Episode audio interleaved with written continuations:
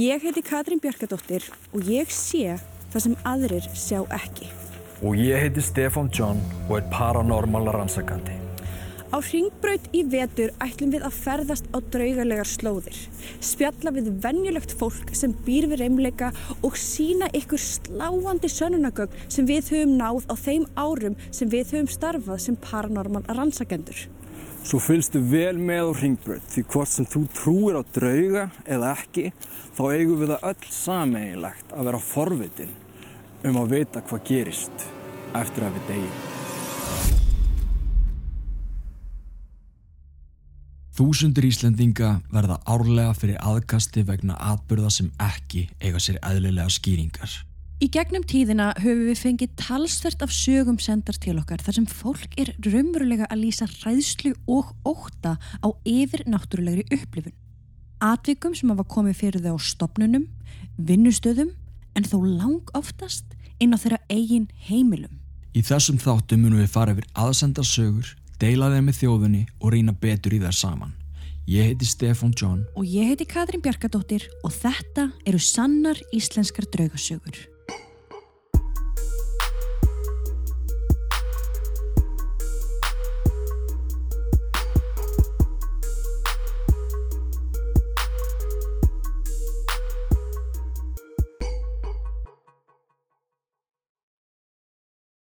Áður en við byrjum er rétt að taka fram að sögurnar sem teknar eru fyrir í þessum þáttum eru ekki nefni ákveðinir tímaröð sem þar eru sendar okkur, heldur af handahófi. Eftirfarandi sögur eru sannar og koma frá fólki úr öllum stjættum þjófélagsins. Allt eru þetta mismunandi einstaklingar á mismunandi aldri. En allt þetta fólk á það sameigilegt að hafa lendi einhverju yfirnáttúrulegu og það hér á Íslandi. Orðalagi og uppröðun hefur lítilega verið breytt til að koma sögunni sem best til skila en að öðru leiti eru frásagnirnar nákvamlega eins og þær bárust okkur. Sögurnar verða sagðar í fyrstu personu eins og þær eru skrifaðar og eftir hverja sögu munum við Katrín taka örstuðt spjall. Saga 1. Maðurinn í rúminu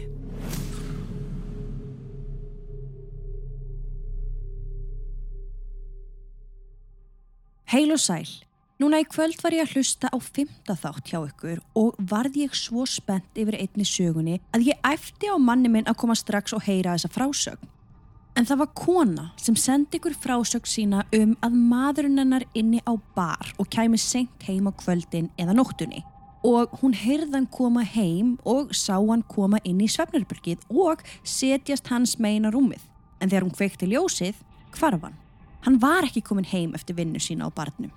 Ég fekk gæsa húð. Leif mér að útskýra af hverju. Fyrir um tveimur árum legði ég og maðurinn minn einbílishús í miðbæ Reykjavíkur. Eitt morgunin vakna ég við það að maðurinn minn er að fara fram úr rúminu. Ég finn rúmið hossast eins og það gerir þegar hann fer fram úr og ég segi Hei, hvert er þetta að fara? En fæ ekki svar. Ég heyri brakið í parkettinu eins og hann sé að ganga að svefnarbyggjishörðinni. Ég sest upp og heyri í hurðinni opnast. Þegar ég opna augun sé ég hann ganga fram og halla hurðinni á eftir sér. Svo ég kalla, hvert þetta fara? En aftur fæ ég ekkert svar. En ég heyri í batharbyggjishurðinni sem er beint fyrir framann svefnarbyggju okkar. Þannig að ég leggst aftur niður hugsandi að hann hafi bara verið að fara á salernið og kæmi þá aftur. Eftir um mínútu, kannski tvær, heyri ég aftur í baðröfgishurðinni og ég heyri hann fara upp tröppurnar á næstu hæð þar sem er stofa, eldús og herbergi yngstu barna okkar. Ég heyri umgang á efri hæðinni í fáinnar mínútur og svo leggst allt í dúna logn.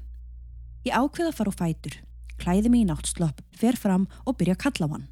Ég fæ ekkert svar, en hugsa með mér að hann heyri ekki í mér. Ég fer á efri hæðina, en þar er engin. Ég kalla á hann en fæ ekkert svar. Ég gengum og skoða inn í herbergi hjá yngstu börnum okkar en það er engin. Ég fer upp á hæðina fyrir ofan og það er engin heldur. Ég kalla og kalla nafnans en ekkert svar. Ég hugsa með mér að kannski hafa hann skroppið út. Ég fer aftur neyri í kjallara, þar sem söfnarbyggja okkar er, og finn síman minn og ringi manni minn. Þegar hann svarar, spyrja hann hvert hann hafi farið. Hann spyr, hvað meinaru? Hvert fór ég? Ég er enn á sjó. Ég er nú ekki að trú honum þar sem ég hafði séðan fyrir nokkru mínútum síðan og fundið hann fara fram úr rúminu og heyrti honum í stofunni. Hann var mjög hissa á þessu því hann hafði ekkert komið heim. Hann hafði verið stanslust á sjó senustu þrjá daga og því engin möguleiki fyrir hann að hafa komið heim mittiltíðinni. Ég veit að ég hefði átt að vera hrætt og hefði undir öllum kringustafum átt að hlaupa út úr húsinu logandi hrætt. En það var friður í húsinu sem hjælt mér rólegri. Þessi saga mín minni mig svo ómótstæðilega á sögukonunar í fymta þætti og langaði mig að deilinni með ykkur. Madurinn minn sagði bara vá allan tíman sem hann hlustaði á frásögn hennar og sagði beint og eftir. Þetta er að sama og þú upplifðir. Hann var ekki að trú þessu. Vá, takk fyrir söguna þeina. Það er sko sannarlega rétt að þessi atvik eru mjög lík. Mhm. Mér finnst persónulega líka svo lítið áhugavert að ég hafi akkurat að ratað á þína sögu af því að mannstusteppi ég lendi sjálf í svipuðu tilfelli bara fyrir nokkrum dögum síðan. Jú, býtið þú nefndir þetta við mig. Klukkan var 20 minnir yfir sjö og ég heyri steppa standa upp og fara inn á baðherabyrgi. Herði, já. Ég sest upp og hlusta en heyri að börnin eru ennþá sofandi. En svo sé ég eldri són minn lappa út úr herberginu sinu og inn í eldús. Herbergið hans og litlabróður hans er beint að móti okkar svo ég sá hann mjög greinilega.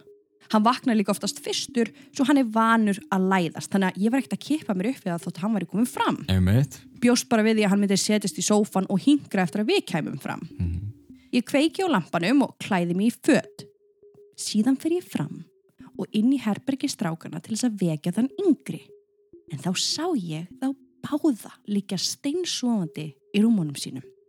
Ég sem er nú þokkalega vön draugagangi var ekki alveg að kaupa þessa sín svona snemma um morgunin þannig ég fer fram í eldús, fram í stofu og var að búast við að sjá allavega eitthvað barn Auðvitað. því ég, ég sá barn veist, það var alveg greinilegt Mm en þau voru öll fjögur sofandi í sínum herbergjum Ég man eftir þessu. Mhm. Já.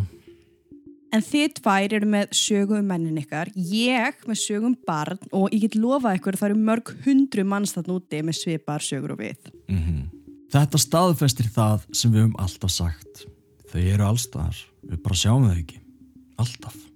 En stundum kemur einhver smá glöfa og við fáum að sjá inn í hinn heiminn og það getur verið ímislegt þar í gangi. Kanski var þessi maður í þinni sögu bara að vakna sjálfur og gera það sem hann er vanur að gera þegar hann lifði. Kannski bjóðan aðna eða í grendin einhver staðar eða kannski var þetta endurtekin orka eða svona residual orka sem á heima í þessu húsi. Það er svo margt sem hægt er að skoða í þessu en þú talar einmitt um að þú hefðir átt að vera hrætt en varst það ekki. Þessi nærvera var ekki slæm. og það er smá miskilingur með drauga þeir eru ekkert vondir hræðilegir eða slæmir þeir bara eru að gera sitt í sínum heimi ekkert í öllum tilfellum en þó mörgum.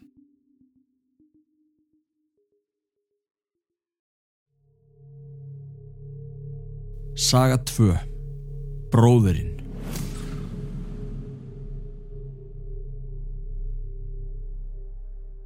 Þáttur 6, saga 3 af sannar íslenska draugasögur var saga sem systri mín sendi á okkur í podcastinu aðalega til að prófa hvort að þið í alvörinu læsið þær sögur sem sendar eru. Finnst það svolítið gott Já, Vilja sinna þær þá atbyrðinni sem hún segir frá í sögunni séu 100% sannir. En ég hef sjálfur upplifað að svipa í þessari sveitminni. Og mér langar svona bara eldsnögt að skjóta í henni. Bara svona smá afskript. Við lesum alla sögur sem við fáum. Já, já, Og byrtast allar sögur sem við fáum sendar? Nei, því miður ekki. nei Og þær komu ekki tímaröð eins og við segjum í byrjun. En allar sögur sem við segjum hér eru aðsendar sögur frá ykkur.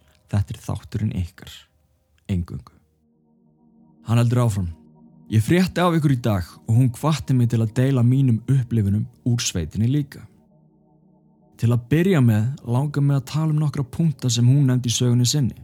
Þessi sveit sem talað er um hefur farið í gegnum margar breytingar í gegnum árin. Við vitum þetta ekki bara því að ætt okkar hefur búið þar í langa tíma, heldur líka því að þegar við vorum að gera pall og þurftum að grafa djúpar hólur í jörðina þá fundum við helling af gömlu drastli eins og straujátt, hamar og margt fleira. Allir þessir hlutir voru reyðgar í gegn. Hún sýstir mín nefndi einni hvernig annað en flestri í fjölskyldinni þá hef ég alltaf verið hrættari við það yfirnáttúrulega sem gerist í þessari sveit. Gott dæmi um það er hvernig ég get ekki verið í sama herbergi og nokkur postulínstrúðar sem ég veit ekkert hvaðan koma og trúður sem hægt var að trekja upp þannig að hann myndi hrista hausinn sinn og spila lag. Með postulínstúkurnar þá liður mér alltaf eins og það er horfi á mig og það er ekki bara tilfinning. Ég hef snúið þeim að vegnum til að finna ekki þessa tilfinningu bara til þess að koma setna og sjá þær annarkvort liggjandi eða búin að snúa sér við. En þessi trúður er annað mál. Hann er aldrei trektur upp því voða fáum í fjölskyldinu líkar við hann en hann á það til að fara í gang alveg upp úr þurru. Ég hef eina minningu þar sem hann rökk í gang og snýri haustin þannig hann flög af. Það gæti að verið það versta sem að gerðist fyrir mig 8 ára gamla. Þessi sveit hefur alltaf verið eitthvað smá ógvænleg, fyrir mig allavega. Maður á til að heyra lappum húsi þegar úrst einnið í, braki veggjum og svona pot í hörðar. Sveitin hefur kjallara sem ég hef aldrei þórað í. Eitthvað við hann var svo óþægilegt, samt var hann ekki dimmur eða lyktað ítla eða eitthvað svoleiðis. Ef eitthvað, þá er þetta eila bara með skári kjallarum útlitslega sem ég farið í, en ég var alltaf hrættu við hann samt af einhverjum ástæðum. Síðan bara fyrir stuttu heyrði ég sögum sýstur mömmu sem hafi séð mann í þessum sama kjallara þegar hún var lítill. En ég var ekki að skrifa til ykkar ef þetta var allt og sömt. Því nýlega fórum ég og bestu vinnu minn saman að gista í sveitinni. En þessi vinnu minn elskar ekkert meira en drauga og hrylling. Á það steg að hann fyrir einn út af nóttu til í skó aðeins fyrir utan bæin okkar bara til að fá smá útrás. Ég hef sagt honum frá nokkrum draugasögum úr sveitinni og eftir það var hann staðræðan í að koma með mér. Þetta er örgulega góður staðir til að nefna að ég hef alltaf trúað á það yfir náttúrulega. Þegar við komum í sveitina og gerðum herbergi okkar til, þá nefndi hann strax hvernig hún líkaði ekki við postulínstrúðana á hillinni. Ég sagði honum að það mætti setja á fram, sem hann hikaði ekki við að gera. Ekkert mikið gerðist fyrsta daginn okkar saman nema það að nokkru hlutir, aðalega bánsar í hillinu hliðina okkur, voru að falla til hægri og vinstri. Á degi tvö ákveðu að fara í hlöðuna til að gá hvort við fyndum ykkur að drauga þar. Við enduðum á að fara í gegnum þraung neðanjarðagöng sem lágu undir hlöðinni, aðla fyrir útrásina. Áður en við fórum upp í sveitina, downloadum við báðir einhverjum fríum EMP detektor appum sem geti fundið drauga ef nógu nálagt. Og þó við gerum þetta bara í gríni, þá greinlega virkuður eitthvað smá. Ef þú settir símaðin upp í tölvu eða útvarp myndi síminni verða crazy og byrja að býpa. Niður í göngunum lendu við því að mælarnir fóru upp úr engu í gang og bentu þeir beint inn í göngin. Auðvitað fríkum við út og stökkum hratt upp úr göngunum og hlöfum eins hratt og við gátum í burtu. Við fórum ekkert meir í hlöðuna þann dag. Mikið setna á þriðadegi vorum við aftur að skoða okkur um í hlöðunni þegar við heyrðum hátt bank frá vegnum hlöðuna okkur.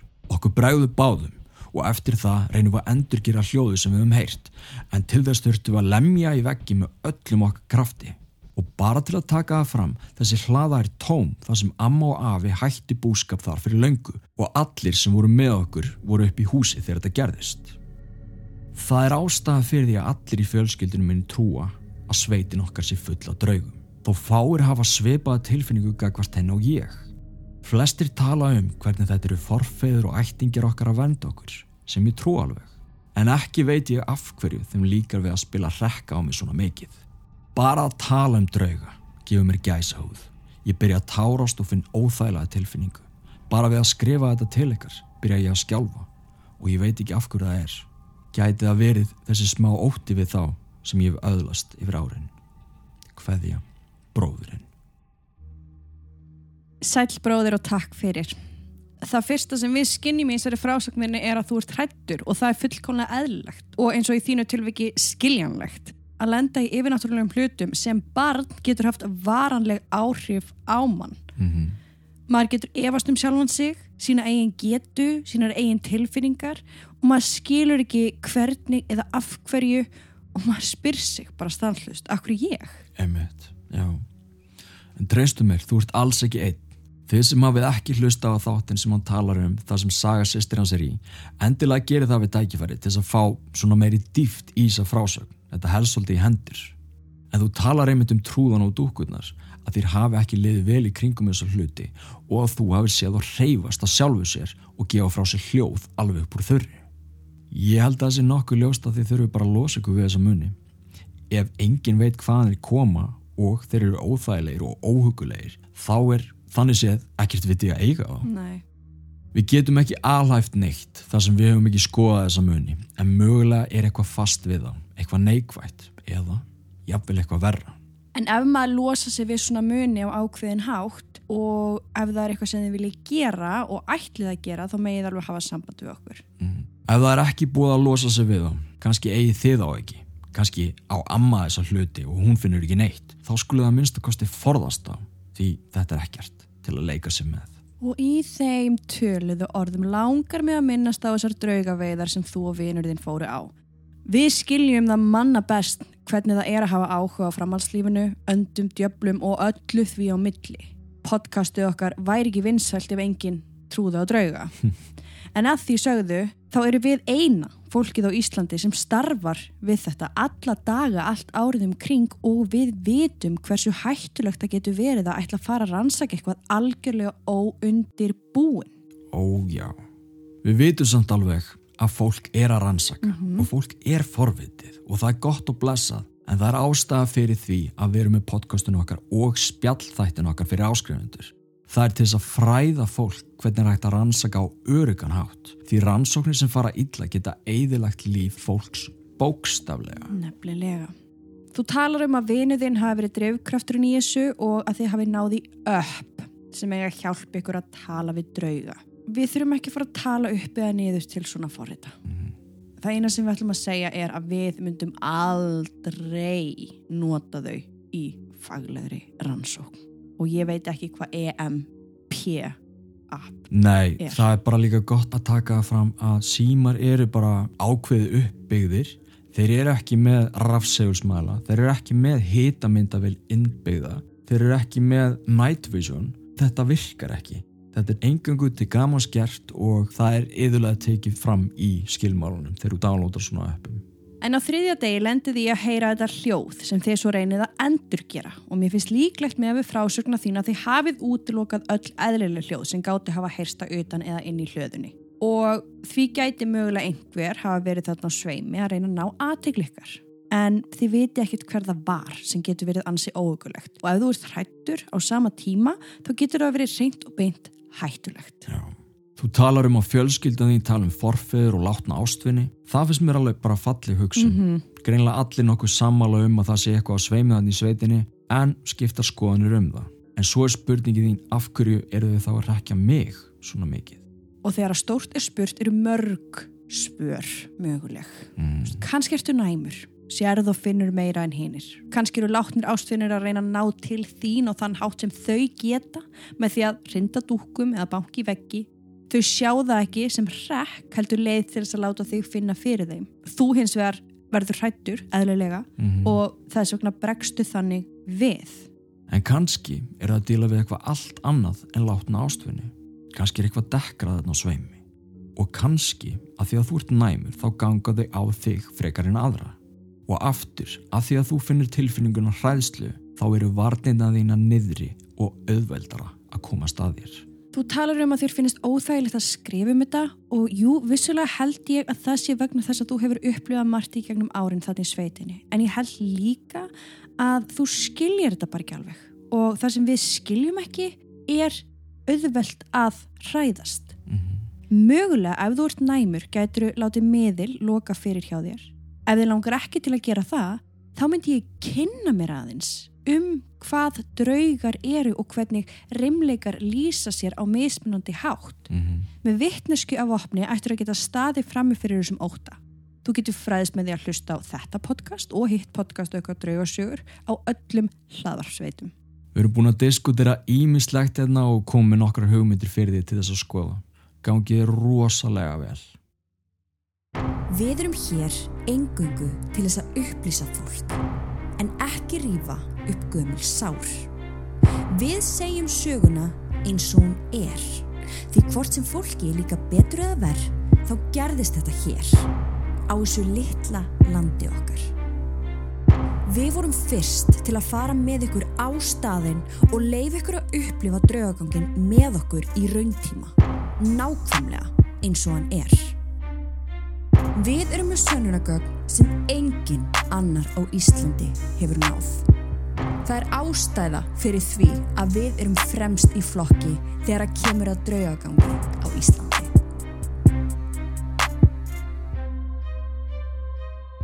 Skoðuðu áskriftarleiðirnar inn á patreon.com skástrygg draugasögur.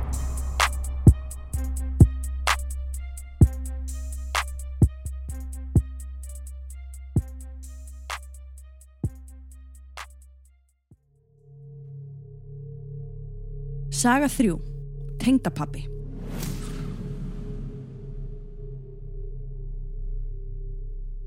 Sæl og blessuð.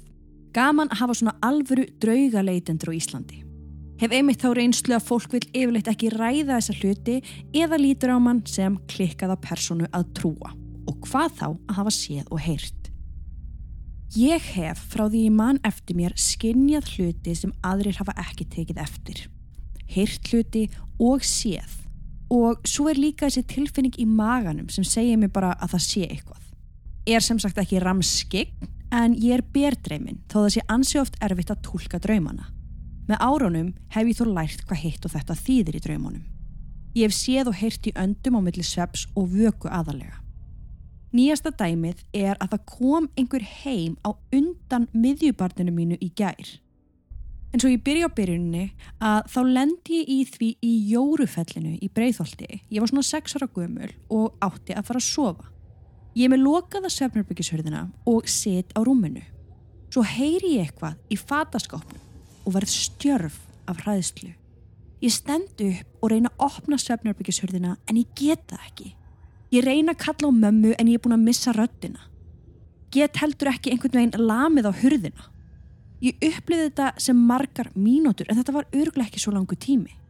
En ég er þarna að hamast á hurðinni sem virtist vera læst á einhvern burðulegan hátt. En svo skyndilega þá opnast hún og ég tek á að rás. Ég hleyp inn í stofu alveg styrluða fræðslu og kalla bara, heyrði enginn í mér? Eftir þetta atvik mátti ekki slökkva ljósin nýja loka hurðum. Við fluttum svo úr þessari hræðilegu íbúð og út á land. Ég hef alltaf haft áhuga á þessu málefni og fór að fykta við tarotspil á úlingsárunum. Svo bjóð ég íbúð í grítubakkanum og á þeim tíma var ég mjög ítlastödd andlega og fann að tarotspilin voru farin að vera ansi sannspá og ekki jákvæðar spár sem ég var að leggja fyrir fólk. Þannig ég hætti að nota þau. Bað svo um aðstóð við að leifa mér að sjá meira og upplifa meira og byrjaði að sjá litla skugga sem voru rosa hraðir og nokkri svona þjótandi hér og þar á undan mér eða hliðin á mér. Og þá baði ég um aðstóð við að hætta að sjá þetta því ég var hrætt við þetta. Ég fann að þetta var ekki eitthvað gott. Hraðspólum fram í tíman þegar ég eignast frumburðin minn. Tengdapappi deyr þegar ég er komin um 16 vikur á leið og svona minn heitir í höfuð og tengdapappa. Við búum í nýbyggðu húsnaði og þegar svona minn er farin að skrýða út um allt þá eldan mig eins og skuggin og vildi aldrei vera einn.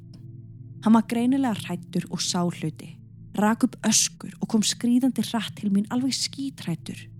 Svo þegar hann byrjaði að tala, þá talaði hann um kallin. Ég var einu svona leggjan og þá byrjar hann að svara einhverju veru í herbyrgin okkar. Já, já, segi nafni sitt og svo já. Þetta var að degi til og mér stóði ekki alveg á sama en fjekk þarna staðfestinguna um að það væri rétt sem ég grunaði. Að hann sægi og heyrði í öndunum. Leikfangarlest sem hann fjekk frá Tengdó fór oft í gang með lag sem gætt ekkert spilað nefn maður ítti kalli niður sem var á henni. Endaði með því að taka batteríin úr henni og þá hætti þetta. Ljósavifta í loftinu í stofinu sem var stýrt með fjastringu átti það til að kveika ljósin að sjálfum sér og einni breyta viftur hraðanum af sjálfum sér. Eitt kvöldi þegar maðurinn minn er á næturvægt og ég ein heima að horfa sjónvarpið og strákurum að fara að sofa þá byrja ljósin að dopna og verða skærari til skiptis og viftan fyrir á fullan snúning. Ég er náttúrulega verð svolítið smeg og ringi manni minn sem er rafvirki og spyr hann er eitthvað sem getur haft áhrif á viftuna hér í stofni hjá okkur. Hann heyrir hvað ég er rætt og segir bara já, það getur verið bílskús hurðaopnari sem sé á sömu bylgjulengt. Honum tókst að róa mig sem var ætlunaverkið en ég veit í dag að þetta var ekkit rétt hjá honum. Svo er strákurum minn bara af og til skítrættu við hennan kall sem hann sér og ég er honin þreytta á þessu ástandi. Þannig ég segi bara ákveðið, hei, þú ert að hræða krakkan, viltu hætta þessu?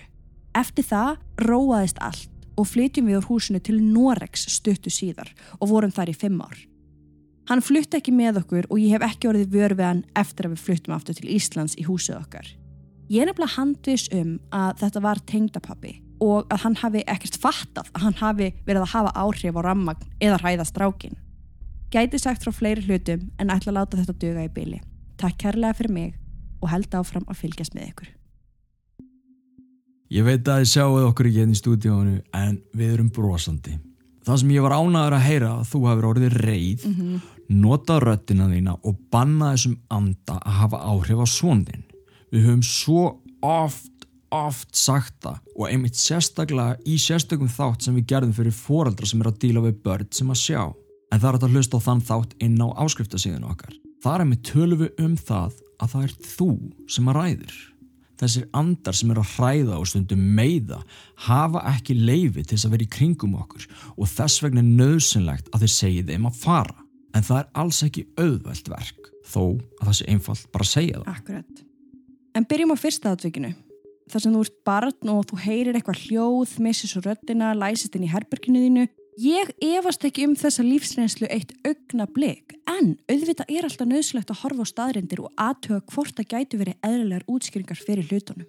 Hljóðið sem kom úr skápnum, kom þar umverulega úr skápnum, eða mögulega utan, eða jafnvel frá fórildriðinum. Er möguleika hurðin hafi staðið illa á sér? Var þetta gömulhurð, átt hún til að standa á sér? Þú gast ekki kallað. Varstu mögulega sofandi? Varst það gangi í svefni? Hefur þú gengið í söfni? Er það möguleiki? Mér finnst mjög líklegt að þú hafi farið í gegnum allar þessar spurningar mm -hmm. og ekki fundið eðlilega útskýringu fyrir því af hverju þetta gerðist fyrir þig. Annars var það ekki að senda okkur þess að sögu. Akkurat. Annars var þetta atvik ekki svona stimplað í höfuð á þér. Lífsreynsla sem gleymist aldrei.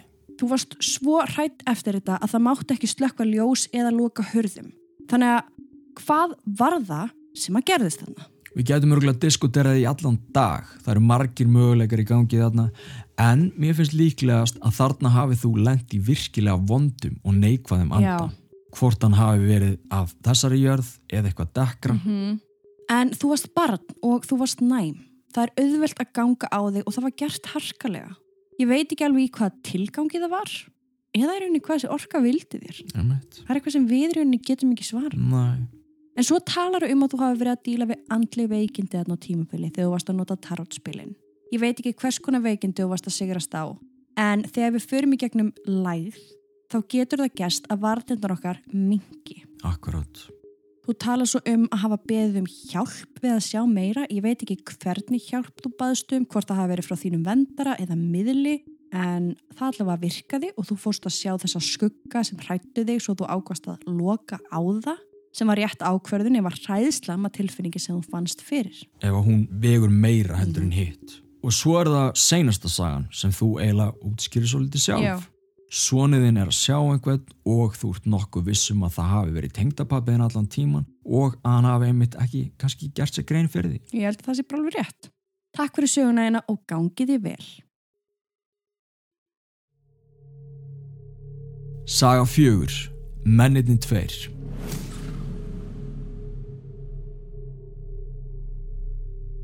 Það sem erfitt er að útskýra. Einn saga sem setur í mér og erfitt er að útskýra er atvik sem átti sér stað þegar ég var yngri og bjóð á landi á Snæfellsnesi til að vera nákvæmur. En hvar skiptir ekki máli. Það gerðist reynda margt skrítið aðna. Einu sinni voru við vinirnir að leika okkur út í náttúrinni eins og oft áður og þarna á þessum tíma voru við alltaf úti. Maður fór út á mótnana og var úti allan daginn. Þarna voru þrýr saman að leika okkur við lítinn læk við klettana. Ég man ég horfi upp brekkuna sem leiti upp þessa kletta og sé mann lappa þarna upp. Ég snými skjótt við því þar sem er mikið að grjóti sem hægt er að detta um þannig að ég vildi passa mig. Þegar ég horfi aftur upp brekkuna er maðurinn horfin. Við erum kannski bara að tala um 2-3 sekundur. Á þeim tíma spáði ég ekkert í þessu. Fannst þetta bara skrítið. hvernig gæti hann bara gufað upp?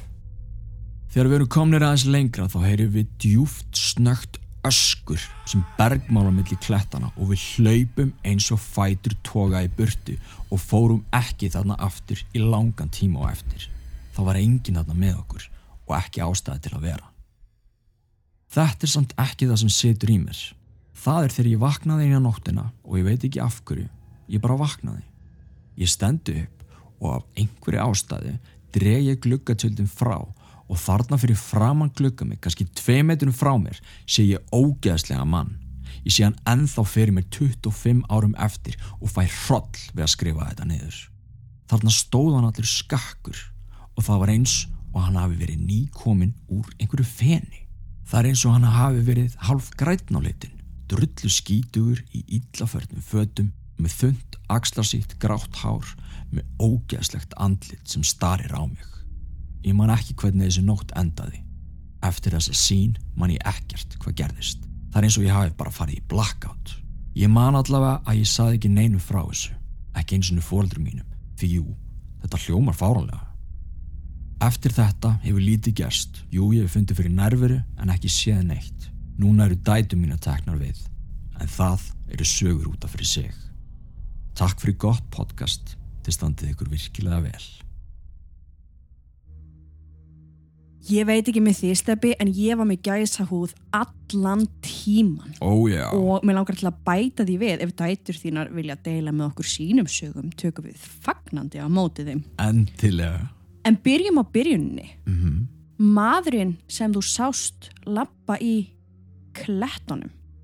Og ég var bara allt í hennu hugsa núna ég veit við skrifum þetta ekki gæti hann hafi verið lifandi Já, hann segir hann sko tvær, þrjár sekundur og hann bara hverfur. Já, hann hverfur, já, já, já. Þetta er ótrúlega algeng sín hérna á Íslandi og við höfum við tekið fyrir í öðrum sögum þar sem fólk er utan dýra og sér einhvern ganga sem síðan hverfur jafn skyndilega og aðilinn byrtist. Mhm, Mjög algengt. En þetta er alltaf jafn förðulegt og rugglandi því eins og við töluðum um hér á ofan þá fer maður að efast um sjálfa sig og hvaða var sem maður sá. Við vitum að fjölmargir hafa orðið úti á þessu litla land okkar og margir hafa aldrei fundist þannig að mögulega varst að sjá einhvern sem að hefur verið týndur í lengri tíma. En síðan er það hinsýnin, ógæslegu maðurinn og ég er nokkuð vissum að þarna sé bara eitthvað mjög neikvægt, eitthvað sem er svolítið svona vanskapað og svona ógæðfell. Heldur þetta hafi verið einhver tíman á lífi? Kanski ekki, en svo getur náttúrulega verið, þú veist, var þetta einhver maður sem að let lífið þarna í einhverju feni eða mýri eða einhver starf í nágruninu -hmm. eða, þú veist, hvar er húsið staðsett, er það náttúrulega kirkjugarði, það er endalust hægt að diskutera þetta líka, Mhm, Akkurat. en uh, kannski það sem að mest tíman það er andlitsveipurinn ef hann er rosalega ramskakkur. Já, akkurat. Ef þetta er einhvers konar afmyndu vera, Mhm, þannig séð, já. að þá einmitt er frekar líklegt að þetta sé eitthvað sem aldrei gekk á þessari jörð. Nei. Af hverju þá samt að byrtast fyrir utan gluggan hjá honum? einmitt og ég meina, þú veist, ertu á einhverju hæð eða er þetta bara beint fyrir utan Gerðist eitthvað eftir þessa sín? já, Kom einmitt. eitthvað fyrir? já, það var aðtöfuvert að jafnvel að þú myndir skoða það bara og tengi einhverja atbyrði við Já. en kannski jafnvel ekki og sem betur fer þá sástu þetta ekki aftur Og svo verðum við náttúrulega líka að hugsa bara þann möguleika að einmitt þetta hafi verið kannski einhver sem að varð úti og þetta er andi já, þanns aðila mm og mögulega residual, mögulega ganga aftur, já, gæti verið. verið. En þetta er óhugulegt. Takk fyrir sögunegina og bara þér að segja að þá hljómar þetta ekki fáránlega í okkar eyrum því það finna er að þegar maður vinnur í þessu og les og hlustar á sögur frá fólki allstaðar úr heiminum þá áttar maður sig á að þær eru svo margar keimlíkar. mm Þú veist, fullt af fólki er búið að burðast með eitthvað og heldur að það sé aðleitt í heiminum. En um leið og fólk byrjar að tala saman eins og við erum öll að gera hér saman í þessu podcasti þá áttur fólk sig á að það er ekki eitt. Margir aðrir hafa svipað að sögu að segja og þá oftast fer fólki að líða betur Við viljum byrja á því að þakka öllum höfundum fyrir sögur vikunar og ekkur hinum kærlega fyrir að hlusta. Endilega kíktin á patreon.com skástrygg draugasögur En í þessari viku gaf út mjög áhugaverða sögu sem að gerist í Japan. um hana Hachi Shakusama. Sannar íslenska draugasögur er vikulegt hlaðvarp sem kemur venjulega út á föstu dögum klukkan 12 á hádegi. Svo lengi sem okkur halda áfram að berast sögur frá ykkur í gegnum draugasögur at draugasögur.com mert aðsendar sögur. Takk fyrir að hlusta og þanga til næst.